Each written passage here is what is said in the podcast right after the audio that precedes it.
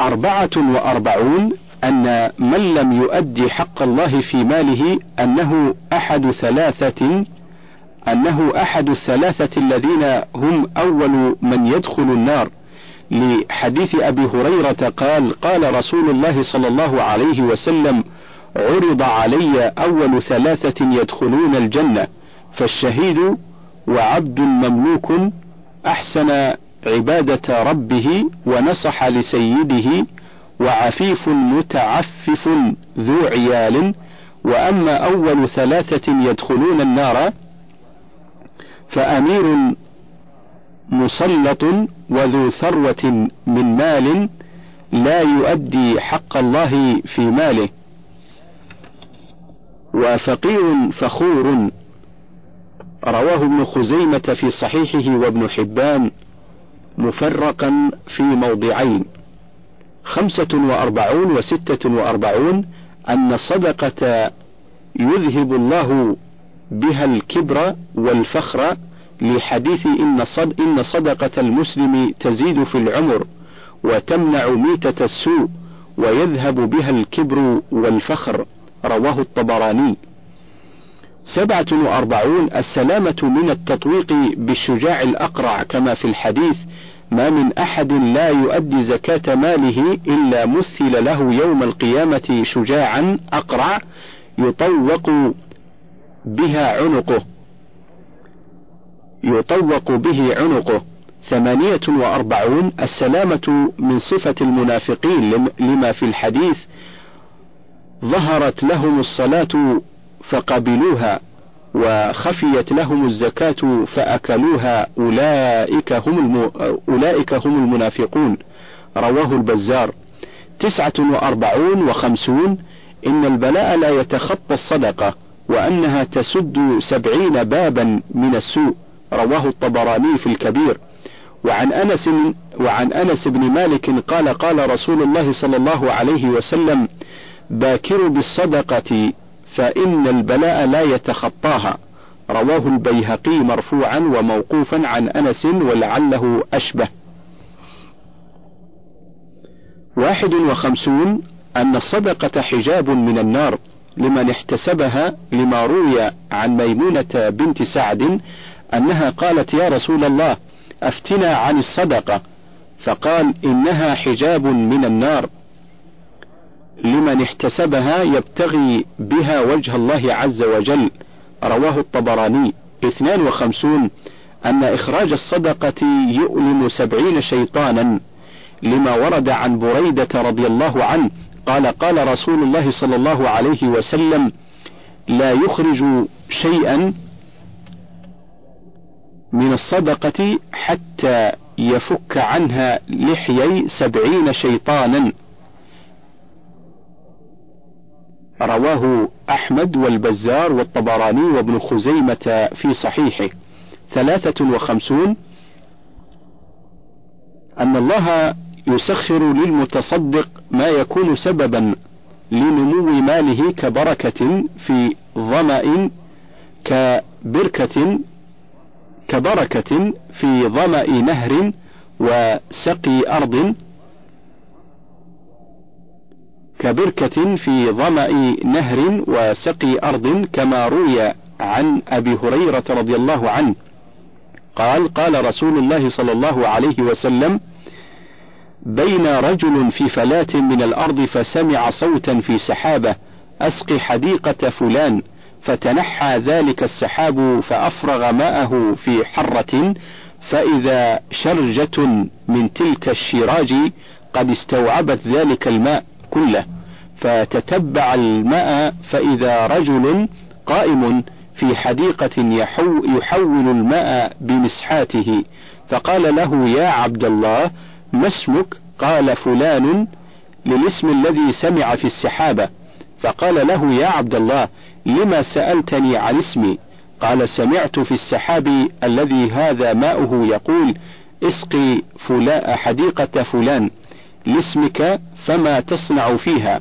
قال أما أما إذا قلت هذا فإني أنظر إلى ما يخرج منها فأتصدق بثلثه وآكل أنا وعيالي ثلثه وأرد فيها ثلثه. رواه مسلم. أربعة وخمسون أن الصدقة لا تنقص المال خلافا لما يظنه بعض الجهال لحديث أبي هريرة رضي الله عنه أن رسول الله صلى الله عليه وسلم قال ما نقصت صدقة من مال والحديث رواه مسلم. خمسة وخمسون أن الصدقة إذا كانت من كسب طيب فإن الله يقبلها بيمينه ثم يربها ثم يربيها لصاحبها كما ورد في في حديث أبي هريرة قال قال رسول الله صلى الله عليه وسلم من تصدق بعدل تمرة من كسب طيب ولا يقبل الله إلا الطيب فإن الله يقبلها بيمينه ثم يربيها لصاحبها كما يربي أحدكم فلوه حتى تكون مثل الجبل. متفق عليه. ستة وخمسون أن الصدقة سبب من أسباب المعية الخاصة لأن المتصدق محسن وقد قال الله تعالى إن الله مع الذين اتقوا والذين هم محسنون. سبعة وخمسون أن المتصدق أن المصدقين يضاعف لهم ثواب أعمالهم الحسنة بعشر أمثالها إلى سبعمائة ضعف إلى حيث شاء الله عز وجل. قال تعالى إن المصدقين والمصدقات وأقرضوا الله قرضا حسنا يضاعف لهم يضاعف له ولهم أجر كريم. إن المصدقين والمصدقات وأقرضوا الله قرضا حسنا يضاعف لهم والله ولهم أجر كريم. ثمانية وخمسون أن الصدقة لا تطفئ غضب الرب وتدفع ميتة السوء. رواه الترمذي وابن حبان في صحيحه. وقال الترمذي حسن غريب. تسعة وخمسون أن بإخراج الزكاة كل سنة يرى الفقراء أن الأغنياء لهم فضل عليهم فيدافعون عنهم ما استطاعوا. أما كف اليد عنهم ومنع معروفهم أن يصل إليهم فإنه يوغر صدورهم ويملأها حقدا عليهم ويجتهدون في سلب حياتهم للوصول إلى أموالهم آه، المخزونة.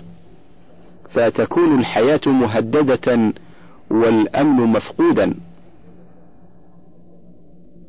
ستون أن منع الصدقات يزيل النعم ويخرب الديار ويخرب الديار العامرة. وتأمل قصة أصحاب الجنة المذكورة في سورة نون والقلم وما يسترون. قال تعالى فتنادوا مصبحين أن اغدوا على حرثكم إن كنتم صارمين فانطلقوا وهم يتخافتون ألا يدخلنها اليوم عليكم مسكين. إلى قوله تعالى فطاف عليها طائف من ربك وهم نائمون. فأصبحت كالصريم.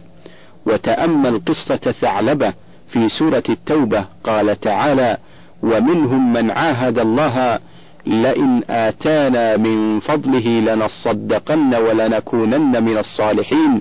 فلما آتاهم من فضله بخلوا به وتولوا. فلما آتاهم من فضله بخلوا به وتولوا وهم معرضون. فأعقبهم نفاقا في قلوبهم إلى يوم يلقونه بما بما أخلفوا الله ما وعدوه وبما كانوا يكذبون. والله أعلم. وصلى الله على محمد. موعظة. عباد الله إن المؤمن بالله حقا يبتعد عن المعاصي كما يبتعد عن النار. فإذا زل مرة من المرات اضطربت أعصابه وجعل قلبه يخفق وأصابه ندم عظيم وكلما تذكر تلك الهفوة احمر وجهه خجلا وهاجت عليه أحزانه وتذكر عصيانه لسيده ومولاه ولا يزال موجع القلب منكسره حتى يفارق الدنيا ويوارى في التراب. هذا هو المعروف عن المؤمن ولا يعرف سواه في أهل الإيمان لأنهم يدركون تماما أنهم إن عصوا خالقهم ورازقهم أنهم سيندمون ويعاقبون إن لم يتوبوا إلى مولاهم هذا ما كان عليه السلف الصالح ومن تبعهم وانظر ما عليه أكثر الناس اليوم في هذا العصر المظلم من الجرأة على انتهاك محارم الله تتمثل أمامك حالهم بحالة قوم لا يؤمنون بثواب ولا عقاب تراهم قد أضاعوا الصلاة وأصروا على منع الزكاة إلا النوادر منهم تراهم يطاردون النساء في الأسواق ويشربون الدخان علنا ويحلقون اللحى كذلك ويغشون في ويغشون في معاملاتهم تراهم أمام الملاهي والمنكرات ليلا ونهارا تراهم يوالون أعداء الله ويعظمونهم تراهم لم يكتفوا بالمعاصي في بلادهم بل يذهبون إلى البلاد الأخرى بلاد الفسق والفجور والحرية وينفقون فيها الأموال الطائلة فيما يغضب الله الذي أغنى وأقنى ولكن ليعلم هؤلاء ولكن ليعلم هؤلاء الفسقة أن الله لا يغفل لا يغفل عن أعمالهم السيئة وسوف تشهد عليهم بها الأرض والسماوات ولا تبكي عليهم لا هذه ولا هذه يوم يتجرعون كأس الممات ويشهد بها عليهم الملكان كاتب الحسنات وكاتب السيئات. ويشهد بها عليهم الحفظة الذين يتعاقبون على حفظهم تعاقب الحراس ويشهد بها عليهم جوارحهم التي باشرت فعل المعاصي ويشهد بها خير شاهد وهو مولاهم جل وعلا الذي تستوي الشهادة عنده والغيوب ويشهد بذلك عليهم كتب أعمالهم التي كل ما فعلوا بها مكتوب حتى إذا رأوها يوم القيامة وبدا لهم ما لم يكن لهم في حساب فزعوا وقالوا يا ويلتنا ما لهذا الكتاب لا يغادر صغيرة ولا كبيرة إلا أحصاها ووجدوا ما عملوا حاضرا ولا يظلم ربك أحدا. كل هؤلاء يشهدون على العاصين بالمعاصي فيسجلون عليهم ما قدمته أيديهم وليس لذلك نتيجة إن لم يتوبوا وليس لذلك نتيجة إن لم يتوبوا إلا غضب الرب عليهم وإلقاءهم في دار المجرمين الجارين جهنم. وإذا كان وإذا كان الأمر هكذا فلماذا يفرح العصاة؟ ومن ورائهم جهنم التي لا تبقي ولا تذر التي ترمي بشرر كالقصر كأنه جمالة صفر. شعرا ولم يمرر به يوم فظيع أشد عليه من يوم الحمام ويوم الحشر أفظع منه هولا. أذل وقف الخلائق ويوم الحشر أفظع منه هولا. أذل وقف وقف الخلائق بالمقام. فكم من ظالم يبقى ذليلا ومظلوم تشمر للخصام وشخص كان في الدنيا فقيرا. تبوأ منزل النجب الكرام. وشخص كان في الدنيا فقيرا تبوأ منزل النجب الكرام وعفو الله أوسع كل شيء تعالى الله خلاق الأنام. وقال آخر وكيف وكيف قرت لأهل العلم أعينهم أو استلذوا لذيذ النوم أو هجعوا والموت ينذرهم جهرا علانية لو كان للقوم أسماع لقد سمعوا والنار ضاحية لابد موردهم وليس يدرون من ينجو ومن يقع. وقال آخر وكيف يلذ العيش من كان موقنا؟ وكيف يلذ العيش من كان موقنا؟ بأن المنايا بغتة ستعاجله. وكيف يلذ العيش من كان موقنا بأن إله الخلق لا بد سائله. نسأل الله تعالى النجاة منها وأن يوفقنا للأعمال المؤهلة لدار الخلد وأن يوفق وأن يوفق ولاتنا للقيام على هؤلاء المجرمين وردعهم وإلزامهم سلوك طرق الحق إنه القادر على ذلك. اللهم اجعل في قلوبنا نورا نهتدي به إليك وتولنا بحسن رعايتك حتى نتوكل عليك وارزقنا حلاوة التذلل بين يديك. واغفر لنا ولوالدينا ولجميع المسلمين برحمتك يا أرحم الراحمين. وصلى الله على محمد وعلى آله وصحبه أجمعين. الفصل الأول شهر رمضان واحد درس اليوم الأول. يقول الله تعالى يا أيها الذين آمنوا كتب عليكم الصيام كما كتب على الذين من قبلكم لعلكم تتقون. قال ابن كثير عن هذه الآية.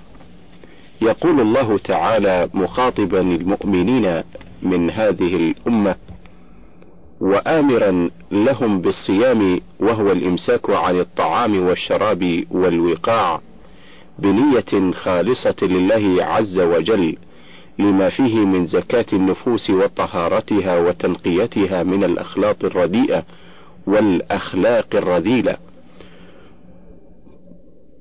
وذكر أنه كما أوجبه عليهم فقد أوجبه على من كان قبلهم فلهم فيهم أسوة. وليجتهد هؤلاء في أداء هذا الفرض أكمل مما فعله أولئك. انتهى كلامه رحمه الله. وقد وردت في فضله ومضاعفة أجره أحاديث كثيرة. روى الإمام أحمد والنسائي عن أبي هريرة رضي الله عنه قال كان رسول الله صلى الله عليه وسلم يبشر أصحابه بقدوم شهر رمضان فيقول: جاءكم شهر رمضان شهر مبارك كتب الله عليكم صيامه فيه تفتح أبواب الجنة. كتب الله عليكم صيامه فيه تفتح أبواب الجنة وتغلق فيه أبواب الجحيم. وتغل فيه الشياطين وفيه ليلة خير من ألف شهر. من حرم خيرها فقد حرم وقال بعض العلماء هذا الحديث أصل في تهنئة الناس بعضهم بعضا بشهر رمضان وفي الحديث الآخر لو يعلم الناس ما في رمضان لتمنت أمتي أن يكون رمضان السنة كلها. وعن عبادة مرفوعا: أتاكم رمضان شهر بركة يغشاكم الله فيه، فينزل الرحمة ويحط الخطايا، ويستجيب فيه الدعاء. ينظر الله إلى تنافسكم فيه ويباهي بكم ويباهي بكم ملائكته فأروا الله من, من أنفسكم خيرا فإن الشقي من حرم فيه رحمة الله وفي الصحيحين عن أبي هريرة رضي الله عنه عن النبي صلى الله عليه وسلم قال إذا دخل شهر رمضان فتحت أبواب السماء وغلقت أبواب جهنم وسلسلة الشياطين ولمسلم فتحت أبواب الرحمة وفي الصحيحين عن النبي صلى الله عليه وسلم قال إن في الجنة بابا يقال له الريان يدخل منه الصائمون لا يدخل منهم لا يدخل منه غيرهم. وفي رواية فإذا دخلوا أغلق الباب وفي رواية من دخل منه شرب ومن شرب لم يظمأ أبدا. ولمسلم أيضا عن أبي هريرة رضي الله عنه مرفوعا جاء رمضان. إذا جاء رمضان فتحت أبواب الجنة. إذا جاء رمضان فتحت أبواب الجنة وأغلقت أبواب النار وصفدت الشياطين. وعنه قال قال رسول الله صلى الله عليه وسلم إذا كان أول ليلة من رمضان صفدت الشياطين ومردت الجن. وغلقت أبواب النيران فلم يفتح منها باب وفتحت أبواب الجنة فلم يغلق منها باب. وينادي مناد يا باغي الخير أقبل ويا باغي الشر أقصر. ولله عتقاء من النار وذلك كل ليلة. وعن أبي هريرة رضي الله عنه قال قال رسول الله صلى الله عليه وسلم الصلوات الخمس والجمعة إلى الجمعة ورمضان إلى رمضان مكفرات ما بينهن إذا اجتنبت الكبائر. وعنه قال قال رسول الله صلى الله عليه وسلم ثلاثة لا ترد دعوتهم الصائم حتى يفطر والإمام العادل. ودعوة المظلوم يرفعها الله فوق الغمام وتفتح لها أبواب السماء. ويقول وعزتي وجلالي لأنصرنك ولو بعد حين. رواه الترمذي وحسنه وابن حبان في صحيحه. اللهم وفقنا لصالح الأعمال ونجنا من جميع الأهوال وآمنا من الفزع الأكبر يوم الرجف والزلزال. واغفر لنا ولوالدينا ولجميع المسلمين الأحياء منهم والميتين برحمتك يا أرحم الراحمين. وصلى الله على محمد وآله وصحبه أجمعين. فصل. وعن أبي هريرة رضي الله عنه عن رسول الله صلى الله عليه وسلم قال أعطيت أمتي خمس خصال في رمضان لم تعطها أمة قبلهم. خلوف فم الصائم أطيب عند الله من ريح المسك. وتستغفر لهم الحيتان حتى يفطروا. ويزين الله عز وجل كل يوم جنته ثم يقول يوشك عبادي الصالحون يوشك عبادي الصالحون أن يلقوا عنهم المؤونة.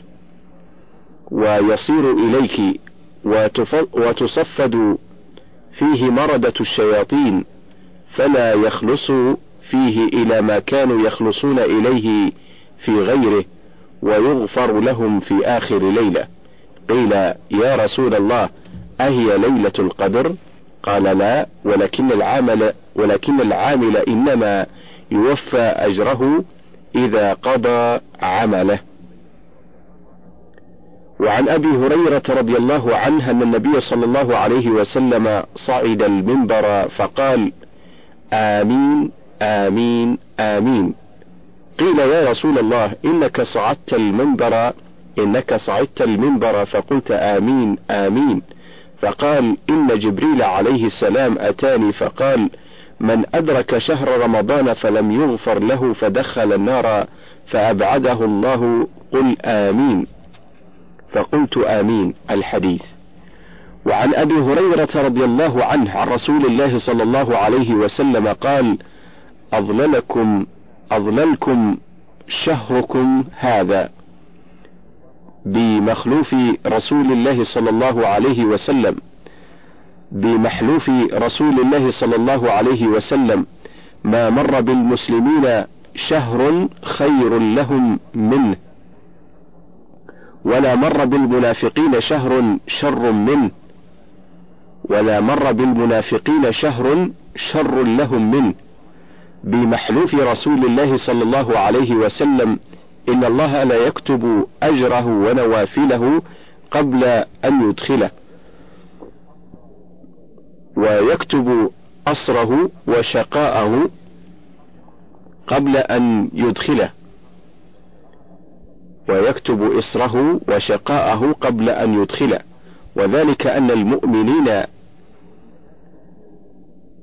يعد فيه القوت وذلك أن المؤمن يعد فيه القوت والنفقة للعبادة ويعد فيه المنافق اتباع غفلات المؤمنين واتباع عوراتهم فغنم يغنمه المؤمن. وقال بندار في حديثه فهو غنم للمؤمنين يغتنمه الفاجر. رواه ابن خزيمة في صحيحه وغيره.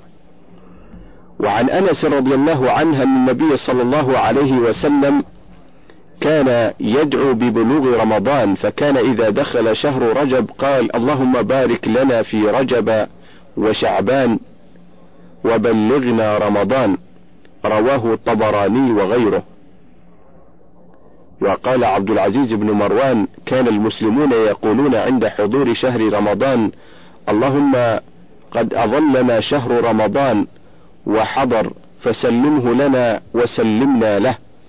وارزقنا صيامه وقيامه وارزقنا فيه الجد والاجتهاد والنشاط وأعذنا فيه من الفتن.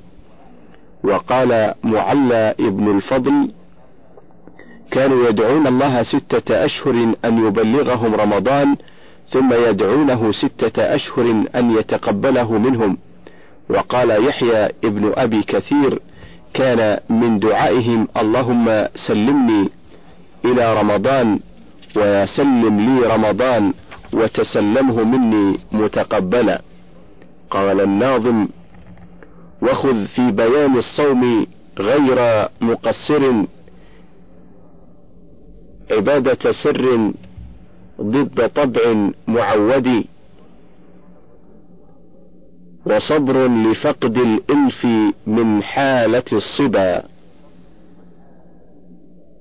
وفطم عن المحبوب والمتعود فثق فيه بالوعد القديم من الذي له الصوم يجزي غير مخلف موعد وحافظ على شهر الصيام فإنه لخامس أركان الدين لخامس أركان لدين محمد. تغلق أبواب الجحيم إذا أتى وتفتح أبواب الجنان لعبد. تزخرف جنات النعيم وحورها لأهل الرضا فيه وأهل التعبد. وقد خصه الله العظيم بليلة على ألف شهر فضلت فلترصدي فرغم فرغم بأنف القاطع فرغم بأنف القاطع الشهر غافلا وأعظم بأجر المخلص المتعبد فقم ليله واطوي نهارك صائما وصن صومه عن كل موه ومفسد. اللهم أهل شهرنا علينا بالسلامة والإسلام والأمن والإيمان واغفر لنا كل قبيح سلف وكان واعتقنا فيه من لفحات النيران وأعنا على الخير يا كريم يا منان. واغفر لنا ولوالدينا وجميع المسلمين الأحياء منهم والميتين برحمتك يا أرحم الراحمين وصلى الله على محمد وعلى آله وصحبه أجمعين. موعظة. عباد الله أخرج البخاري في صحيحه عن سهل بن سعد رضي الله عنه قال قال رسول الله صلى الله عليه وسلم من يضمن لي ما بين لحييه وما بين رجليه أضمن له الجنة. عباد الله إن هذا الحديث على إيجازه لا يحتوي على وصية ثمينة من أبلغ الوصايا وأقيمها وأجلها وأنفعها. فقد اشتمل على الأمر بحفظ عضوين عليهما مدار عظيم حقيق عليهما مدار عظيم حقيقين بتعاهدهما بالرعاية والاستقامة والرقابة والصيانة ألا وهما اللسان والفرج. ولا شك أنهما إن أطلق سراحهما في الشهوات واللذات وطرق الغي والفساد كان أصلا للبلاء والفتنة والشر والهلاك والدمار. وقال صلى الله عليه وسلم من وقي شر قبقبه وذبذبه ولقلقه فقد وجبت له الجنة. الحديث أخرجه منصور الديلمي من حديث أنس رضي الله عنه. والقبقب البطن والذبذب الفرج واللقلق اللسان. فهذه الشهوات بها يهلك أو يهلك أكثر الخلق وسئل صلى الله عليه وسلم عن أكثر ما يدخل النار فقال الأجوفان الفم والفرج. فالعاقل من يبصر مواقع الكلام ويحفظ لسانه من الفضول والهذيان ولا يتعدى بفرجه زوجته وما ملكت يمينه. وقال صلى الله عليه وسلم من كان يؤمن بالله واليوم الآخر فليقل خيرا أو ليصمت. إذا فهمت ذلك فاعلم أن زلات اللسان عظيمة فزلة من زلاته قد تؤدي بالإنسان إلى الهلاك والعطب ومفارقة أهله وولده وأصدقائه وجيرانه فليحذر الإنسان مما يجري به لسانه. قال صلى الله عليه وسلم لا يستقيم إيمان عبد حتى يستقيم قلبه ولا يستقيم قلبه حتى يستقيم لسانه. الحديث. وعن سعيد بن جبير مرفوعا إلى رسول الله صلى الله عليه وسلم أنه قال إذا أصبح ابن آدم أصبحت الأعضاء كلها تذكر اللسان أي تقول اتق الله فينا فإنك إن استقمت استقمنا وإن أعوججت أعوججنا. وروي أن عمر بن الخطاب رضي الله عنه رأى أبا بكر الصديق رضي الله عنه وهو يمد لسانه بيده فقال له ما تصنع يا خليفة رسول الله صلى الله عليه وسلم؟ قال هذا أوردني الموارد. إن رسول الله صلى الله عليه وسلم قال ليس شيء من الجسد إلا يشكو إلى الله اللسان على حدته. وعن ابن مسعود أنه كان على الصفا يلبي ويقول يا لسان قل خيرا تغنم واسكت عن شر تسلم, تسلم من قبل أن تندم. فقيل يا أبا عبد الرحمن أهذا شيء تقوله أو شيء سمعته؟ قال لا بل شيء سمعت رسول الله صلى الله عليه وسلم يقول إن أكثر خطايا ابن آدم في لسانه. وقال ابن عمر رضي الله عنه قال رسول الله صلى الله عليه وسلم من كف لسانه ستر الله عورته ومن ملك غضبه وقاه الله عذابه ومن اعتذر إلى الله قبل, قبل الله عذره.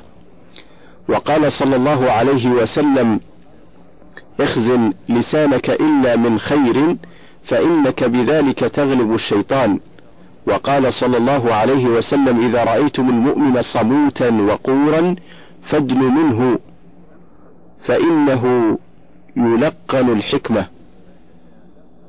وأخرجه ابن ماجة من حديث خلاد بلفظ إذا رأيتم الرجل إذا رأيتم الرجل قد أعطي زهدا في الدنيا وقلة منطق فاقتربوا منه فإنه يلقى الحكمة. ولا تحسبن حفظ اللسان قاصرا على الصمت في موضعه أو الكلام بل يتعدى إلى حفظه من طعام مشبوه أو حرام.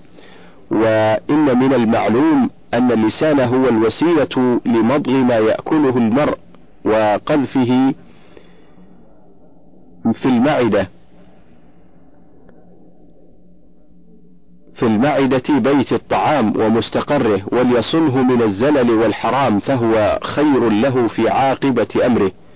وأما حفظ الفرج فبترك التعدي على أعراض الناس وحرماتهم ووضعه في الحلال في الطرق المشروعة وكفه عن الزنا والحرام والزنا آفة وبيلة على المجتمع الإنساني وقد بينا مضاره في الجزء الثاني والله أعلم.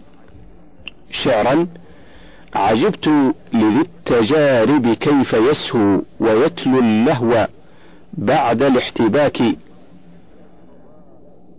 ومرتهن الفضائح والخطايا يقصر باجتهاد للفكاك. وموبق نفسه كسلا وجهلا. وموردها مخوفات الهلاك بتجديد المآثم كل يوم وقصد للمحرم بانتهاك سيعلم حين تفجأه المنايا ويكسف ويكسف حوله جمع البواكي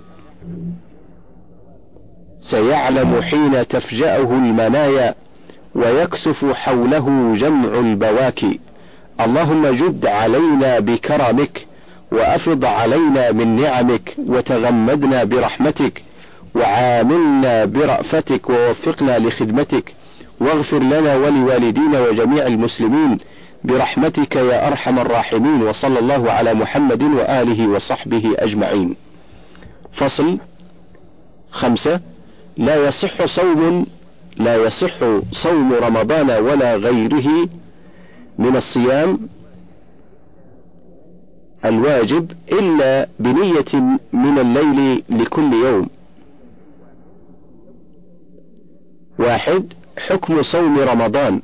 صوم رمضان فريضة والأصل في فريضيته والأصل في فريضته الكتاب والسنة والإجماع. وأما الدليل من الكتاب فقوله تعالى يا أيها الذين آمنوا كتب عليكم الصيام كما كتب على الذين من قبلكم لعلكم تتقون. وأما السنة فعن ابن عمر رضي الله عنه قال قال رسول الله صلى الله عليه وسلم بني الإسلام على خمس شهادة أن لا إله إلا الله وأن محمد رسول الله وإقام الصلاة وإيتاء الزكاة وصوم رمضان وحج البيت. وأما الإجماع فأجمع المسلمون على فريضة صوم شهر رمضان. اثنان بيان ما من يجب عليه الصوم.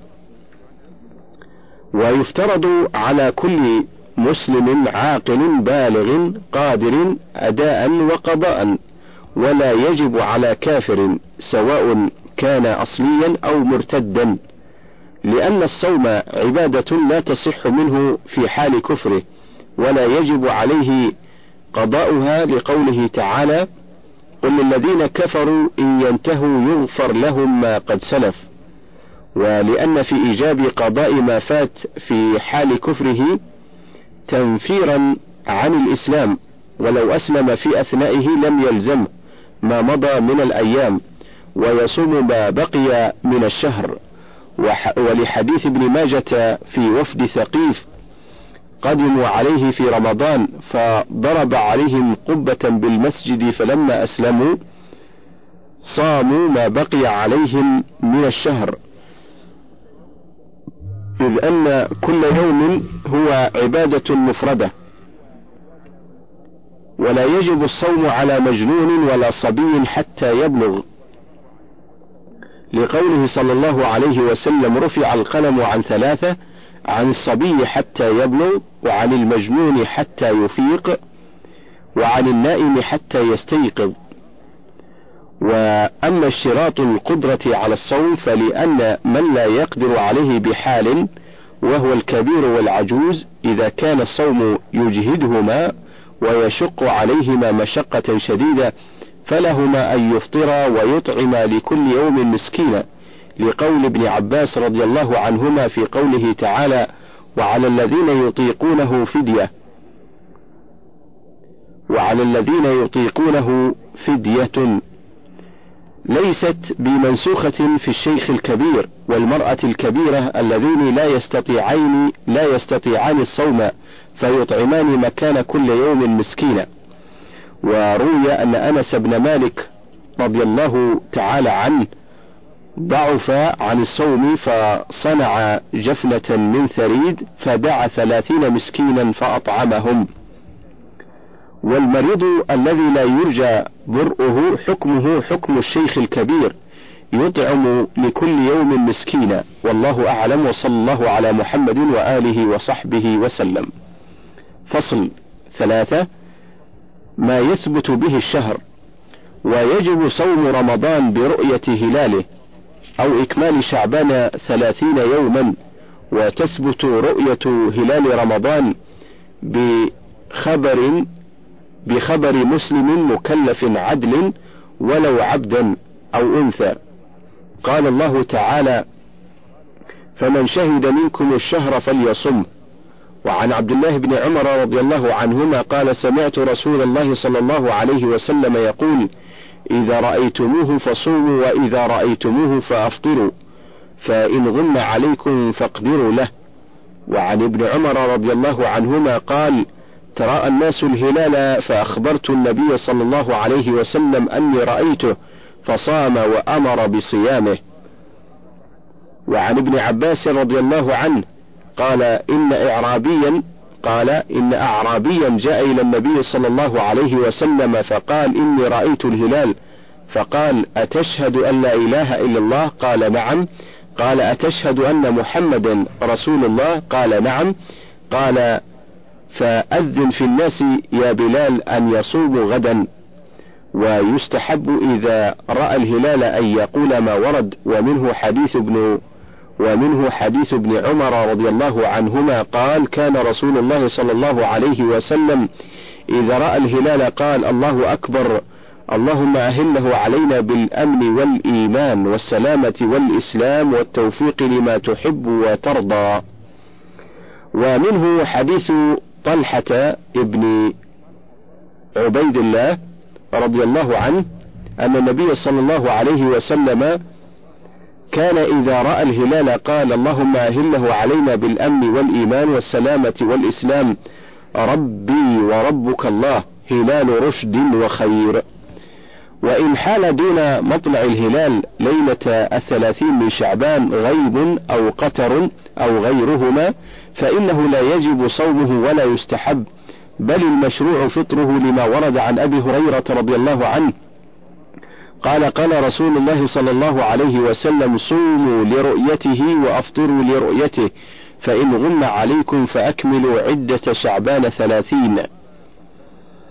وعن عمار بن ياسر وعن عمار بن ياسر رضي الله عنهما قال من صام اليوم الذي يشك فيه فقد عصى أبا القاسم صلى الله عليه وسلم.